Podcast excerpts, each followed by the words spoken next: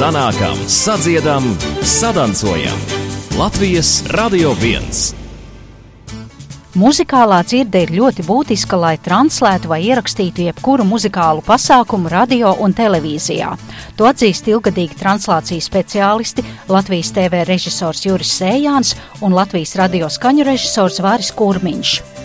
Mans vārds ir Zane Lāce, un šajā raidījumā, kas tapis ar Latvijas Nacionālā kultūras centra atbalstu, izzināsim, kā notiek dziesmu svētku skaņas, attēla un emociju pārraide televīzijas skatītājiem un radioklausītājiem. Tā būs saruna ar abiem režisoriem svētku mēģinājumu starplaikos.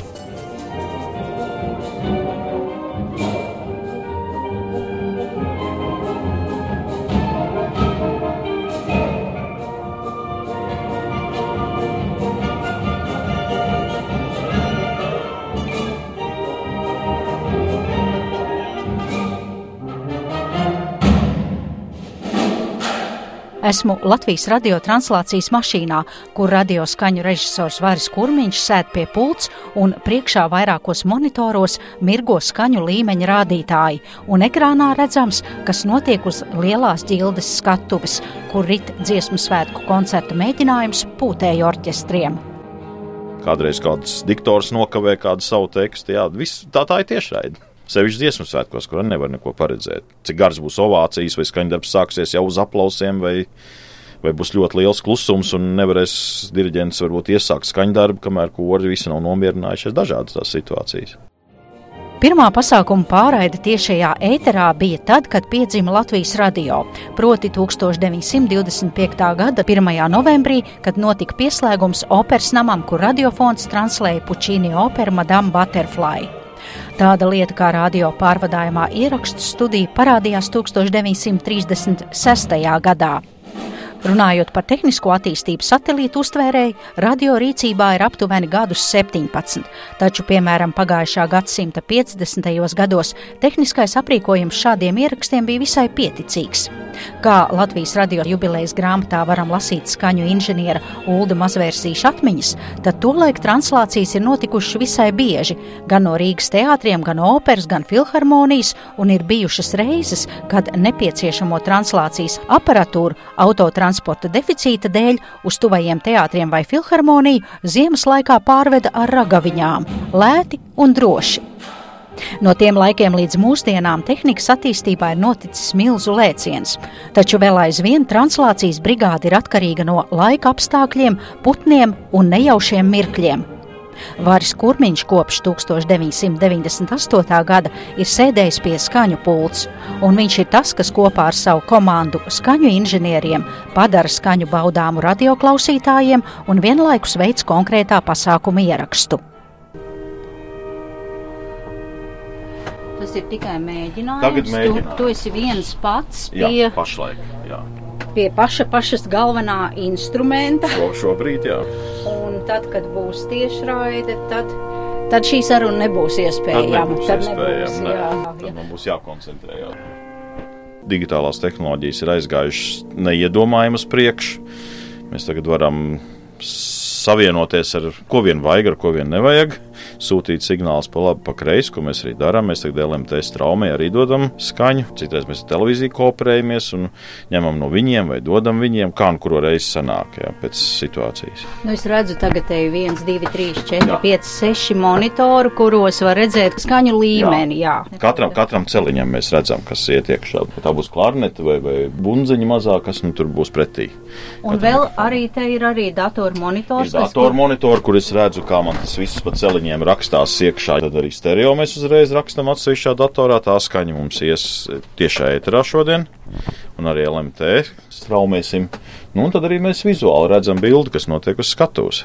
Bet, principā, tā lielos vilcienos globāli jau nekas nav mainījies. Vienkārši mēs redzam vairāk un varam ātrāk kaut ko novērst, kādas nebūšanas, redzēt, varbūt ir kāds kanāls sprakšķis. Uzreiz mums ir parādās tāda sarkana svītriņa.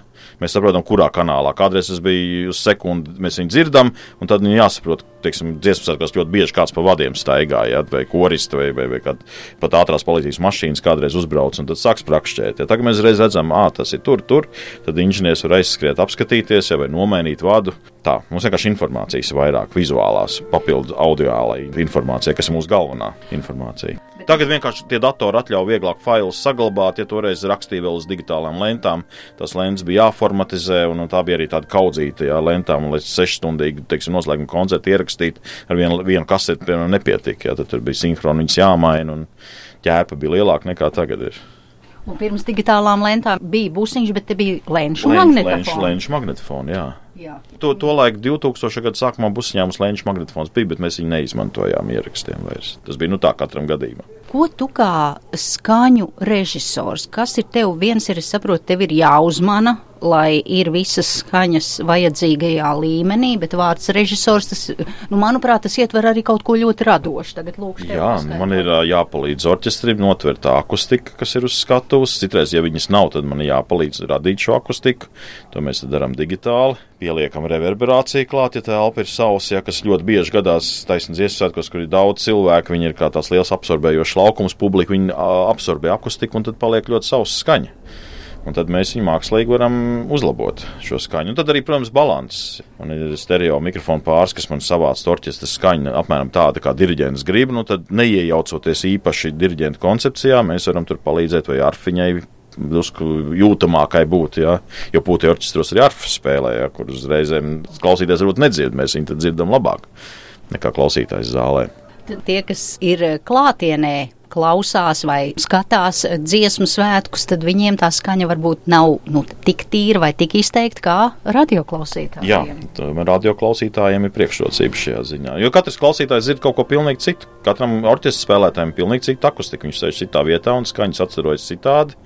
Tas ir tā grūti savākt visu kopā. Tas ir diriģenta meistardarbs, lai visiem būtu labi, lai klausītāji saprastu, kas notiek uz skatuves, lai orķestranti labi justos un lai arī radio klausītāji. Tad, tad man ir mazāk darba, tad viss izdara diriģents bet jūs arī pirms tam sēžat klātu mēģinājumos, lai zinātu, kurā brīdī jums, es saprotu, arī ir programma, Jā. kas pēc kā skanēs kāds skaņdarbs, bet viens ir, nu, tas viss notiek, eh, kā saka, dzīvajā. Tas notiek dzīvajā, teiksim, ja tas mm. būtu ieraksts, mums būtu vēl partitūra, mēs sekot notīm līdzi, un, un ieraksts laikam mēs varbūt apstopētu kaut ko, jā, palūkt no kaut kādas vietas, bet šeit tas viss iet tā teikt, non-stopā, jā, un mēs neko vairs nevaram izmainīt. Tāpēc mums ir mēģinājumā jāsaprot, kur kāds solists varbūt spēlē no vietas, vai viņš iznāk priekšā, jā, tāpēc mums ir monitors, mēs redzam, kas notiek uz skatuves. Tā. Un, ja tajā brīdī, nu, es saprotu, ir jābūt arī gatavam uz visu, tad tajā tiešajā kaut kas tur, es nezinu, solistam uznāk lepus vai kaut kāda pauze, kas pirms tam nebija. Jā, varbūt jānorā mikrofons lejā, lai tas klepus nav tajā brīdī. Ja? Nu, tad ir nu, skaņu režisūram arī jājūt tā mūzika, ja nu gadījumā nezinu. Nu, daudz skaņu darbu jau dziesmas atkos ir zināmi, ja? vai, vai tā ir tautsdziesma. Ja tas nezināms, tad jāsaprot, kā tā mūzika attīstīsies, un vai tajā pauzītē paspēs viņu noraut lejā un uzlikt atkal atpakaļ, ja? lai viņš izklapojās un dzied tālāk, piemēram, vai spēlē. Ja? Tas nozīmē, ka ir vieglāk ar tiem skaņdarbiem, kurus tu pārzini, un tikko ir kaut kādas jaunradas, tad tev ir papildus. Jā, bet uh, visi mūzikas skaņu režisori jau ir mūziķi pēc savas izglītības, pirmās vismaz ja, noteikti. Un mēs jau jūtam, kas nu būs, kā tā mūzika attīstīsies. Ja, tas ir iestrādājies gadu gaitā, kad tas vienkārši notiek automātiski. Mūzikālai dzirdēji ir jābūt obligātai. Protams, protams, protams, protams, bez tā nevar. Kas notiek tajā brīdī, ja ir klusums? Nu, viens skaņdarbs beidzas, otrs vēl nav sācies, nav tur uznākuši vadītāji. Vajadzētu būt aplausiem starp skaņdarbiem. Kā, un aplausi tie tad arī tos? Nu, dažādi ir. Citreiz ar aplausiem arī jāliek papildus mikrofoni, bet dziesmas svētkos domāju, vai to problēmas nav. Cilvēki daudz un plaudē labi. Nu, atslābt nedrīkst nekādā ziņā. Jā, visu laiku ir jādomā, kas būs, vai jākontrolē, vai nav kādas prakšķi, kas citreiz ir vienkārši nekontrolējami. Ja digitālā tehnika mēdz arī kādreiz pievilkt. Ja, tur ir tādi saucamie kloki, ja pulksteņi, kas savieno digitālos aparātus, un kāds varbūt kādreiz nokļūdās vai aizkavējās, ja, un, un, un tad radās kaut kāds prakšķīšs. Tad ir jādomā uzreiz, kā tos prakšus pēc tam pie apstrādes izņemt ārā, vai būs iespēja izņemt, vai viņš tikai ir bijis mums uz kontroli, vai viņš ir ierakstījies tas prakšs. Vai skaņu režisora pārziņā ir arī tas, kā un kur tiek savilkti vārdi? Tas, ko tu sākumā teici, tur pārbrauc ātrās palīdzības mašīna vai kāda iet, jo man šķiet, ka lielākais bubulis kāds iet aizķers un pāro vienkārši vārdu. Nu jā, nu mums ir tāda speciāla kanāla, ko uz ielām te arī pie mašīnas stāv var uzlikt, jā, un tad var gājai iet pāri un, un mašīnas braukt pāri. Citreiz ir arī speciāla prasība no mūziķiem uz skatus, ja jāvīt klavieres, tad mums tie vārdi ir jāizliek tādā veidā, lai starp skaņdarbiem var nobraukt klavieres nost, vai, teiksim, arfu uzstumt vai kādu citu lielāku instrumentu, lai neaizķertos neviens. Tur vienkārši jādomā tā vadu loģistika, kā viņas vai apvilkt apkārt citreiz visai skatuvē nāks, lai tā skatu pati būtu brīva. Zinu, ka mani radio kolēģi no skaņu ierakstu brigādes ir piedzīvojuši brīžus, kad translācija ir traucēta, jo zīlītes ir sākušas knābāt izolācijas lēntu, ar ko ir bijuši nostiprināti vadi. Arī varim ir kāds putnu koncerts stāsts. Rundāls pilī ļoti bieži bezdalīgs pie atvērtiem logiem, viņam līgstas Rundāls pilī. Un tad, kad senās mūzikas festivālā kādreiz mēs rakstām, tad pa logiem nāk šī skaņa iekšā, bet tur viņi ļoti labi harmonē ar to, kas notiek zālē. Tā kā iespējams, ka tajos laikos, kad tā pils celta un tur spēlēja kādu pils mūziku, tās bezdalīgas tāpatās tur skanēja. Tas ir dabīgi. Bet citreiz atkal ir bijis, ka izstrāde pielīst. Es gribēju prasīt, jā, piemēram, dziesmu svētki, lietus un vēl vai pērkona lietas. Ir bijis arī, ka nogrimst viss tā aparatūra, jā, un tad ugunsdzēsēji sūknē ārā ūdeni. Tā dziesmu svētki arī bijuši.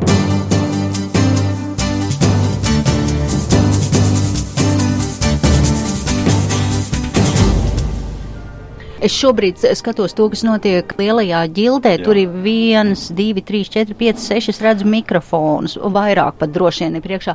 Vai mikrofoni ir par ko ir atbildīgi radioļi, proti tu? Jā. Jā, tie ir mūsu, jā, un tur nav 6, tur ir kā 20 apmēram.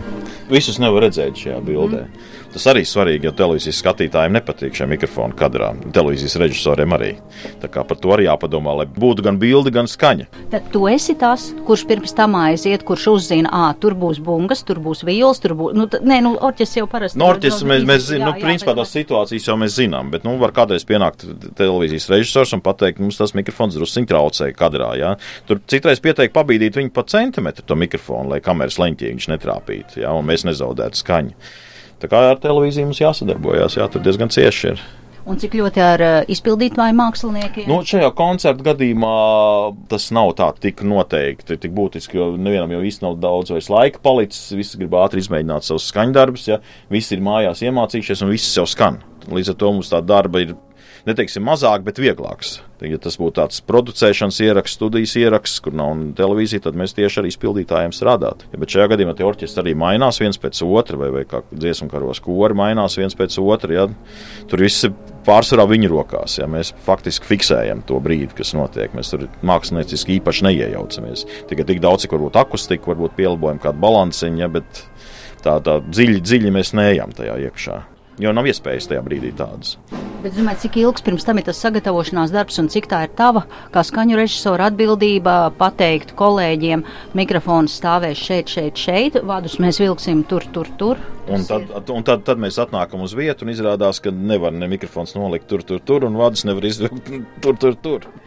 Un tad ir ātri jādomā kaut kas cits. Jā. Nē, nu parasti jau pirms Ziemassvētkiem notiek kādas tehniskās sapulces un plānošanas, kur lielos vilcienos visi izdomā, kā, bet dabā jau no vienmēr notiek kaut kādas izmaiņas realitātē. Radiotranslācijas brigādē ietilpst skaņu inženieri, skaņu režisors, šoferi un bieži vien arī žurnālisti, kuri vada to vai citu pasākumu. Televīzijā šī komanda ir aptuveni 40 cilvēku liela, un tur pārvietojamā televīzijas stacija, salīdzinot ar radiobusu, ir daudz varenāka. Milzu autobusā atrodas viena no otras nodalītas telpas. Vienā ir skaņu pults, otrā lielākajā pie vairākiem monitoriem un lielākas pults sēž režisors, redaktors un vairāki inženieri. Arī te, kur primārais ir attēls, muzikālā dzirde un muzikālā izglītība, tāpat kā manam radiokolēģim Varim Kurmiņam, ir noteicošā, lai režisors spētu kvalitatīvi veikt savu darbu. To atzīst ilgadīgs Latvijas televīzijas režisors un arī grupas pērkons basģitārists Juris Sējāns. Steidzam visu salikt, gaismas mūsu gaismu televīzijas gaismotāji. Tur. Tikai, tikai skatu, lai saprotu. Tā tur ir sākuma.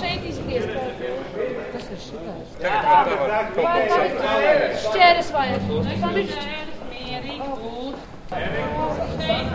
Tā kā bišķi stropā. Tā jau tā ir. Es jau brīnos, kā tik mierīgi. Jā, jā. Un, Nē, nē, nu, drusku stress ir. Tāpēc, ka nu, vienkārši divi lieli pasākumi vienā dienā. Un, un tā mē- mūsu tā komanda sāka agri no rīta, kādos pusdienas sešos jau te bija, kas nolika podestus, salika kameru vietas un, un krānu uzvilkot balkonā tur augšā. Un pēc tam nu, tā konference sākās, ne? Un tad mēs neko nevaram darīt. Un tad no četriem atkal, faktiski no puspieciem, mēs tikām iekšā, un tad lielā steigā viss notiek. Tā. Bet nu, izskatās, ka kaut kas būs ok. Būs ok jā. Rīgas Latviešu biedrības namā īsi pirms Pasaules Latviešu dienu un deju kopu koncerta Juris Sējāns pārbauda, vai visi prožektori, kameras un vadi ir savās vietās. Tā kā ne mēģinājumā, ne tiešraides laikā Juri nav iespējams intervēt, tad šī saruna par viņa darbu translējot dziesmu svētkus tika ierakstīta pirms šo svētku nedēļas dunas.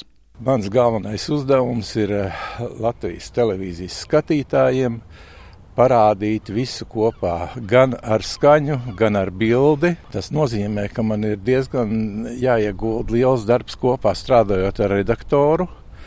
Tātad pie manas video pults blakus ir redaktors, kurš eh, ar nošu partitūru apmēram 4-8 taktus pirms tā, ko es došu gaisā, pasaka, kas būs tālāk, kādi solo instrumenti, kādi solisti ienāk. Un, eh, tas ir diezgan liels darbs, jo tās nošu partitūras ir riktīgi biezas. Un mēs jau izējām cauri pirms tam, jau visam tam, un, ja ir jau ieraksts, tad mēs klausāmies ierakstu, ejam cauri nošu partitūrām, un es jau atzīmēju tās vietas, kas man noteikti būs jāparāda. Un tad tas lielais darbs notiek tā plānošana, nu, kamēr izvietojums, teiksim, tas ir ļoti, ļoti svarīga lieta. Un pie tā jau strādā mēnesi, jau mēs strādājam pie tā kopā ar tām vietām, teiksim, kur notiek tā tiešraide vai televīzijas ieraksts. Un mēs meklējam rakursus, kaut gan mums tikai jāiztēlojas, ja orķestris vēl nesēž, solists vēl nesēž, kori nestāv.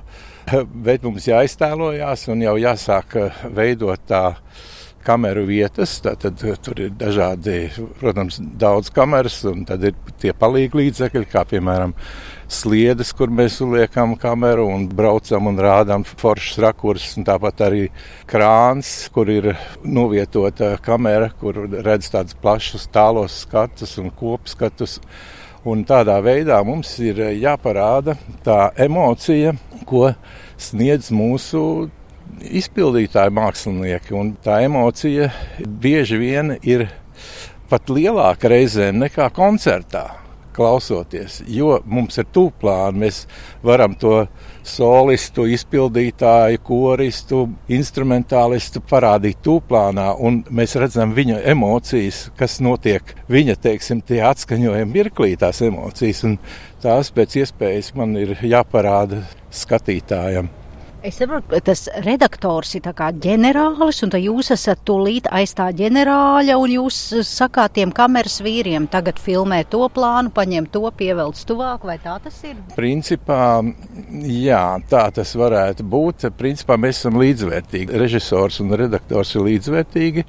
Reizēm tā, ka redaktors iegrimst tajā nošu partitūrā, ka viņam nav laika pat paskatīties, kas notiek tur uz ekrāna. Un man jāklausās viņu, un man ir bieži vien ir tāpat, kad man palīdz tā muzikālā dzirde, man jāsaklausa tajā simfoniskajā orķestrī, teiksim, solo instrumentu, kura tēma ir tā, tā svarīgā. Man jādzird, piemēram, tur flautas vai arfu iespēles vai vijoles solo, vai man jau uzreiz jānoķer un jādzird, tā, kas būs tā tēma, kas ir svarīgākā. Man tā ir jāparāda ar kamerām. Protams, katram instrumentam kameru nevar pielikt klāt, bet man ir jāsaplāno tā tas darbs, kad es ar vienu kameru varu vairākus punktus atrādīt. Tur, tur ir ļoti svarīgs tas moments, kā tās kameras tiek izvietotas, un tur diezgan lielai pieredzei jābūt un praksei. Un šo darbu mēs darām kopā ar vadošo operatoru, kas ir nu, tas, tas galvenais operators, kas ir šo pasākumu. Jā.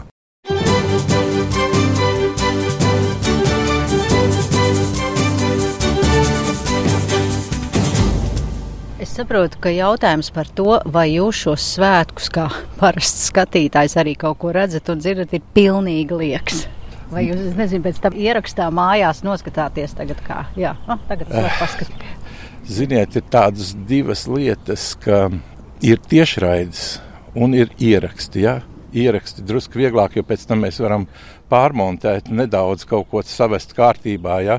Un pēc tam viņš iet ētrā, bet ir tās tiešraides, nu tur ir tāda spriedze tajā mirklī. Jo tas ir viens pret vienu, viss ir jāparāda, un kļūdīties nedrīkst. Ja būs kāda kļūda, kaut kāds norāviens, to uzreiz viss Latvija redz, un tas beigās titros skatās, kas tas režisors tur bija, ja, kas tur parādīja klarnets vietā kontrabasu vai, vai nu, nu, tas, tas tās, tā izsakoties. Bet, protams, tā spriedze ir liela, ka tajā mirklī koncerta laiks paiet ļoti ātri, ja? jo visu laiku ejam, nu tā kā muzicējot arī uz skatuves, laiks ātrāk iet nekā, teiksim, klausītājiem zālē. Un bieži vien ir tā, ka tu beigās, ah, nu bija divas mazas kļūdiņas, bija. Bet, ok, par tām kļūdām es noteikti baigi pārdzīvoju tajā mirklī. Bet nu, man ir pilnīgs tāds niķis aiziet mājās, patīt atkal to lēnu atpakaļ un tomēr noskatīties un paskatīties teiksim, no malas. Un bieži vien ir pārsteigums, ka tiešām ir ok viss parādīt. Tā ir bijis bieži. Jā. Tad, kad beidzas tiešraidi, kas ir pirmais? Es nezinu, vai tur ir blakus jūs izdzerat ūdeni, kafiju vai baldarjāņus. Vai... Ar to ūdens dzeršanu vispār tas šeit tad ietā pilnīgi paralēli, jo ir tā, ka es visu laiku komunicēju, es runājos ar operatoriem, kas tur tajā mirklī, un tad muti jau izkalst, vai ne, un tas ūdens jāiedzer ik pa laikam. Ir lai nezaudētu dikciju un, un tā, bet katrā ziņā noteikti ir pilnīgs tāds atslābums, absolūts pēc tāda lielā darba un eh, kaut kāda liela gandarījuma sajūta, it sevišķi nu, tādos svētkos kā dziesmu un dēļu svētki. Tas ir, un esmu absolūti piedalījies, vai ne, man ir tā lielais tā, gandarījums, jā.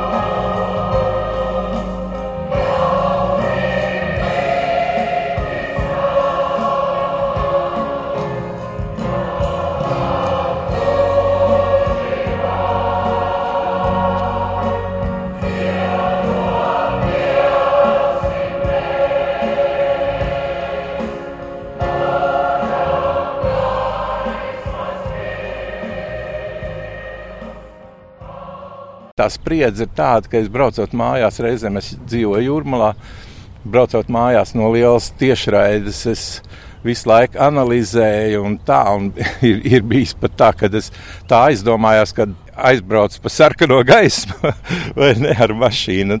Vienreiz pat man tur noštrāpēja. Tu esi tajā pasākumā gandrīz varbūt visu to nakti vēl pēc tam, un no rīta vēl tā skaidru galvu. Pārdomājot visu, vēl tu domā, tiešām vēl kādu diennakti tu domā par visu to kā.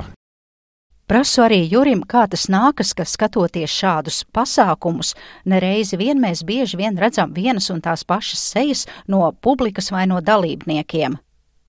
Tur ir tāda neliela nianses lielajos dziesmu svētkos, kas ir meža parkā. Tur no atkārtošanās, kadru atkārtošanās diezgan grūti izbēgt, jo tiešām uz skatuves ir eh, tūkstošiem dziedātāji, bet tās kameru vietas ir izvietotas, teiksim, nu, tajā dziedātāja vidū tur kādas septiņas, uz kur pusi viņš pagriež. Ja koncerts iet tur trīs stundas, nu, atkārtosies kaut kad tie kadri, atkārtosies. Jā. Nevar tā pielikt, teiksim, uz simts kameras, teiksim, tad, tad, tad varētu neatkārtoties. Vienkārši tie resursi ir tādi, kādi ir. Tā neizbēgama lieta ir. Jā. Bet skaistas meitenes vienmēr tiek rādītas ar vainagdziņiem galvā, un tās emocijas, tas ir tas, tas, tas īstais latviskais, kas mums ir vajadzīgs.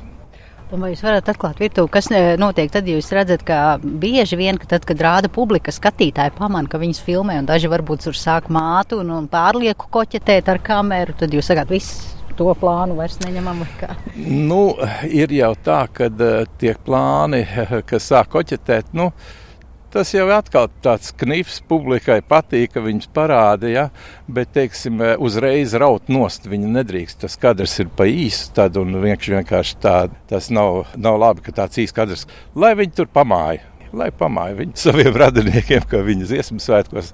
Tā gadās, jo bieži vien ir jau arī tā, ka, piemēram, tu rādi kaut kādu skaistu dziedātāju, viņš beigās sāk žāvāties. Nu, ko te raus nost? Ne, nevar noraut. Nu.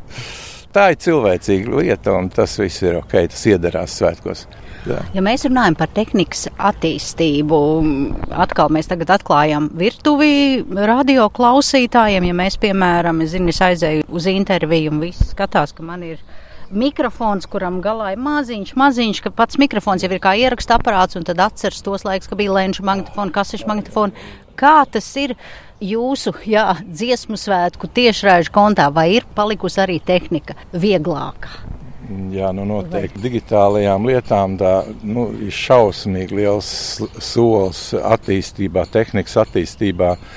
Es jau atnācu uz televīziju strādāt kādus 26 gadus atpakaļ, kad bija tādas platās lentes.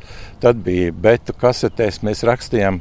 Un tur bija tā, ka tev bija faktiski tu varēji kaut kādas ierakstīt programmu, to, ko tagad es nopogāju, video pults un vēl kaut kādu vienu vai divus kaut kādus avotus ierakstīt, teiksim, divas kameras.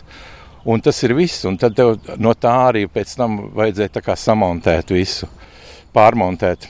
Bet uh, ar lentām tā, katra nākošā kopija jau, jau kvalitāte zūd, un vienreiz tur nu, pārmontējot, jau tā kvalitāte ir sliktāka. Bet tagad ar to digitālo man ir iespējas katru kameru ierakstīt atsevišķi, un tad eh, tas ir ļoti eleganti. Pēc tam var visu to sastrādāt, uztaisīt to multikāmu saucamo. Tātad visas kameras man ir redzamas, kas viss tur notiek, un tad es izvēlos no katras un ielieku to labāko, skaistāko bildi. Bet, nu, tā ir ķimperīga darīšana, bet nu, izdarīt var tiešām ļoti forši. Šodien tā tehnika ir tāda, ka tā tehnika ļoti gājusi uz priekšu. Izskan raidījums, kas tapis ar Latvijas Nacionālā kultūras centra atbalstu, un tajā par savu pieredzi translējot dziesmu un deju svētkus stāstīja Latvijas televīzijas režisors Juris Sējāns un Latvijas radio skaņu režisors Vairs Kurmiņš. Ar viņiem sarunājās Zane Lāce.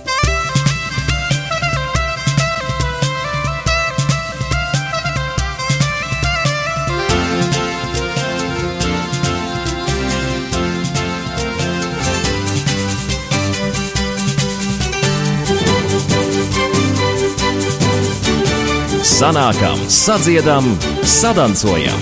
Latvijas Radio 1.